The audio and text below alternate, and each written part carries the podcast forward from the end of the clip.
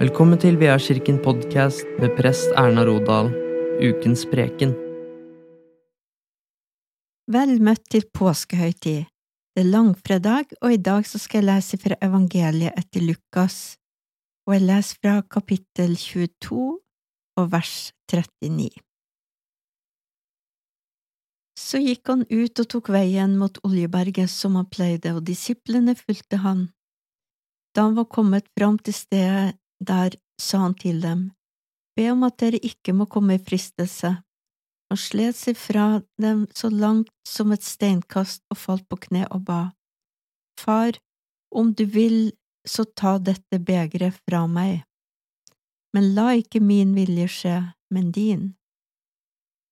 Da viste en engel fra himmelen seg for ham og styrket ham, og han kom i dødsangst og ba enda mer inntrengende, så svetten falt som bloddråper ned på jorden.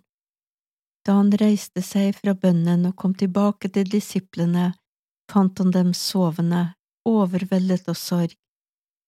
Hvordan kan dere sove, spurte han, reis dere og be om at dere ikke må komme i fristelse. Mens han ennå talte, kom det en stor flokk, og foran dem gikk han som het Judas, en av de tolv. Han kom bort til Jesus for å kysse ham. Men Jesus sa til ham, Judas, forråder du menneskesønnen med et kyss? De som var med Jesus, skjønte hva som ville skje, og spurte, Herre, skal vi gripe til sverd? Og en av dem hogg etter øverste prestens tjener og kuttet av ham det høyre øret. Men Jesus sa, La det være med det, og han rørte ved tjenerens øre og helbredet ham. Så sa Jesus til overprestene og offiserene ved tempelvakten og de eldste, de som var kommet for å gripe ham, dere har rykket ut med sverd og stokker som om jeg var en røver. Dag etter dag var jeg sammen med dere på tempelplassen uten at dere la hånd på meg, men dette er deres time, nå er det mørket som har makten. De grep ham og førte ham til øversteprestens hus. Peter fulgte etter langt bak. Midt inne på gårdsplassen var det tent et bål, og Peter sto, slo seg ned blant dem som satt omkring det. En tjenestejente fikk se ham der han satt i lysskjæret. Hun stirret på ham og sa, Denne mannen var også sammen med ham. Men Peter nektet og sa, Kvinne, jeg kjenner ham ikke. Litt etter var det en annen som la merke til ham og sa, Du er også en av dem. Nei, det er jeg ikke, svarte Peter. Men en time senere var det enda en som slo fast, jo visst var denne mannen også med ham, han er jo galileer. Men Peter svarte, Menneske, jeg skjønner ikke hva du snakker om. I det samme før han hadde talt ut Golhanen. Og Herren snudde seg og så på Peter. Da husket Peter det Herren hadde sagt til ham. Før hanen galer i natt skal du fornekte meg tre ganger og han gikk bort og gråt bittert. Mennene som holdt vakt over Jesus, hånte ham og slo ham. De dekket til ansiktet hans og sa, Nå kan du være profet, hvem var det som slo deg? Også på mange andre måter spottet de ham. Da det ble dag, kom folkets eldsteråd sammen, både overprestene og skriftlærde var der. Jesus ble ført fram for rådet og de sa, Men han svarte, Hvis jeg sier det til dere, vil dere ikke tro meg, og hvis jeg spør, vil dere ikke svare, men fra nå av skal menneskesønnen sitte ved den mektige Guds høyre hånd. Da spurte de alle, Du er altså Guds sønn? Han svarte, Dere sier det selv, og jeg er det. Da sa de, Hva skal vi nå med vitneutsagn, vi har jo selv hørt det av hans egen munn.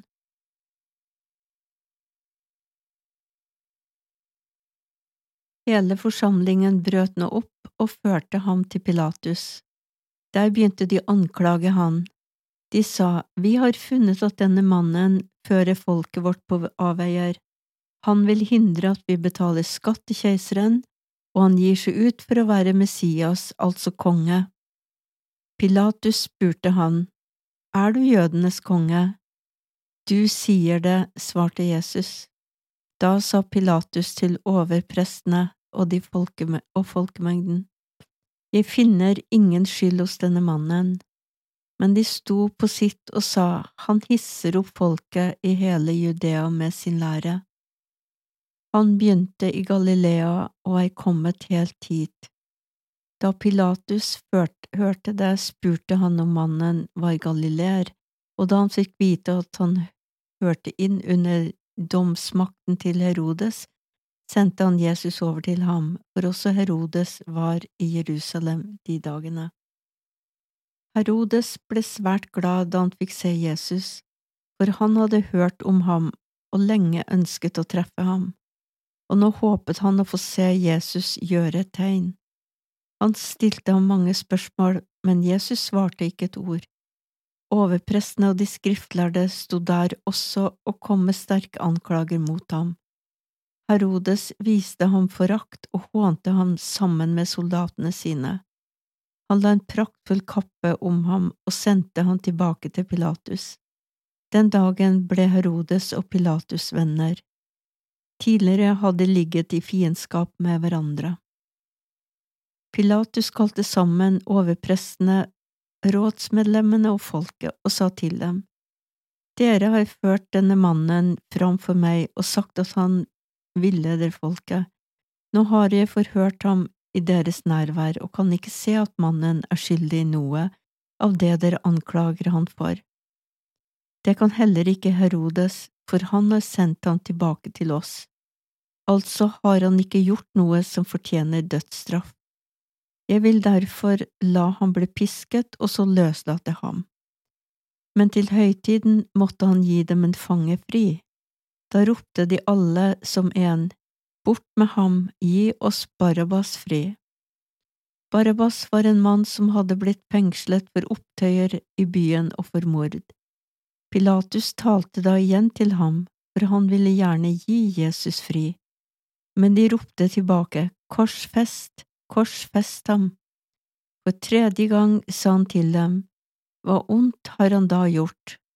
Jeg har ikke funnet ham skyldig i noe som kan straffes med døden. Jeg vil derfor la ham bli pisket og så løslate han. Men de presset på og forlangte med høye skrik at han skulle korsfestet. Og skriket deres fikk overtaket, da felte Pilatus dommen, det skulle bli som de hadde krevd. Han løslot den de ba om, han som var fengslet for opptøyer og mord, men Jesus overga han så de fikk sin vilje. Så førte de ham bort, på veien grep de tak i en mann som kom inn fra landet, Simon fra Kyrene. De la korset på ham for at han skulle bære det etter Jesus. En stor folkemengde fulgte med, blant dem mange kvinner som jamret og gråt over ham. Men Jesus snudde seg mot dem og sa, Jerusalems døtre, gråt ikke over meg, men gråt over dere selv og barna deres. For det kommer dager da folk skal si, Lykkelig er de barnløse, de morsliv som ikke fødte, og de bryst som ikke ga die. Da skal de si til fjellene, fall over oss, og til haugene skjul oss. For gjør de slik med det grønne treet, hvordan skal det da gå med det tørre?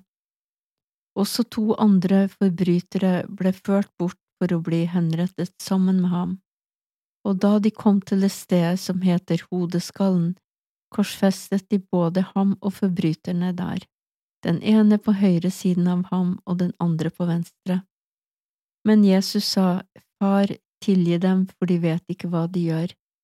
Så kastet de lodd om klærne hans og delte dem mellom seg. Folket sto og så på, men rådsherrene hånte ham. Andre har han frelst, sa de, la han nå frelse seg selv dersom han er Guds Messias, den utvalgte. Også soldatene hånte ham, De kom og rakte vineddik opp til ham og sa, Er du jødenes konge, så frels deg selv, for det var satt en innskrift over ham, Dette er jødenes konge. En av forbryterne som hang der, spottet ham også og sa, Er ikke du Messias? Frels da deg selv og oss. Men den andre irettesette ham og sa, Frykter du ikke Gud, enda du har samme dom over deg? For oss er dommen rettferdig, vi får bare igjen det vi har gjort. Men han har ikke gjort noe galt, så sa han, Jesus, husk på meg når du kommer i ditt rike. Jesus svarte, Sannelig, jeg sier deg, i dag skal du være med meg i paradis. Det var allerede omkring den sjette time. Da falt et mørke over hele landet helt til den niende time, for solen ble formørket, forhenget i tempelet revnet etter midten, og Jesus ropte med høy røst, Far, i dine hender overgir jeg min ånd. Da han hadde sagt det, utåndet ham. Slik lyder det hellige evangelium. Langfredagens lange bibelfortelling tar oss med på Jesus sin vandring gjennom natten, fra Getsemanehagen til forhør i øverste prestens bolig. Så blir det morgen, og Jesus blir ført til den romerske landshøvdingen Pilatus, og deretter til Herodis og derfra til Golgata. Vi kaller Jesu vandring til Golgata Via Dolorosa, den smertefulle veien. Gjennom århundrer var langfredag årets mest smertefulle dag for jødene rundt i Europa. Den dagen kunne de bli angrepet, synagoger kunne bli ødelagt og brent, og mange jøder ble drept. Det var de kristnes hevn for jødenes kollektive skyld. De hadde jo korsfesta Kristus, og nå skulle de få smak den samme hevn. Men det var ikke jødene som korsfesta Jesus. Det var heller ikke den onde djevelen som gjorde det. Jesus gikk sjøl i døden for oss, for hver eneste en av oss. Ingen makt i verden kunne korsfeste Jesus om ikke han hadde gjort det frivillig. For korsfestelsen var Guds frelsesplan for både deg og meg. Det var Guds metode for at vi skulle gå fri.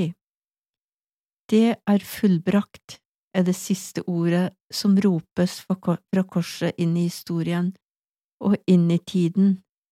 Det ropet blir samtidig det første ordet i en ny tid og en ny historie. Nå har Israels Messias ført Gud og mennesker sammen i et hellig samfunn, midt i den dypeste smerte fødes det største glede på jorden og i himmelen. Forbannelsens tre er forvandla til livets tre for Israel og for folkeslagene. Ære være Faderen og Sønnen og Den hellige ånd, som var, er og blir en sann Gud, fra evighet og til evighet. Amen. Ta imot velsignelsen. Ivarechecha Adonai ve ja er Adonai panavelecha v'yohuneka, Isa Adonai panavalecha, ve'yosemlecha, shalom.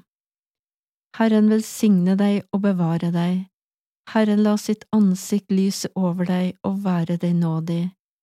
Herren løfte sitt åsyn på deg og gir deg fred.